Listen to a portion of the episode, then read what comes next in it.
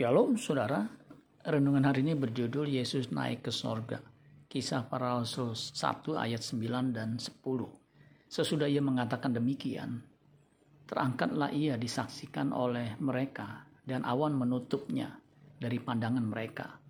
Ketika mereka sedang menatap ke langit waktu ia naik itu, tiba-tiba berdirilah dua orang yang berpakaian putih dekat mereka Sesudah Tuhan Yesus memberikan mandat kepada murid-muridnya, Tuhan Yesus terangkat ke sorga. Secara fisik dan kasat mata, Tuhan Yesus menuju ke atas yaitu sorga.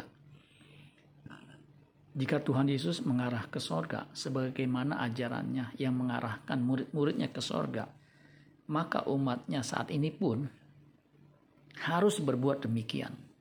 Tuhan Yesus mengajarkan dalam Matius 6 ayat 19 dan 20, Janganlah kamu mengumpulkan harta di bumi. Di bumi ngengat dan karat merusakkannya, dan pencuri membongkar serta mencurinya. Tetapi kumpulkanlah bagimu harta di sorga. Di sorga ngengat dan karat tidak merusakkannya, dan pencuri tidak membongkar serta mencurinya.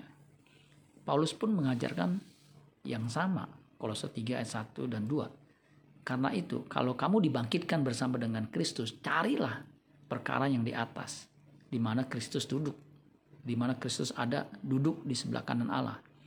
Pikirkanlah perkara yang di atas, bukan yang di bumi.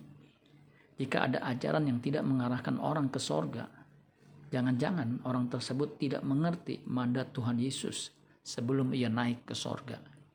Amin buat firman Tuhan. Tuhan Yesus memberkati. Sola Gracia.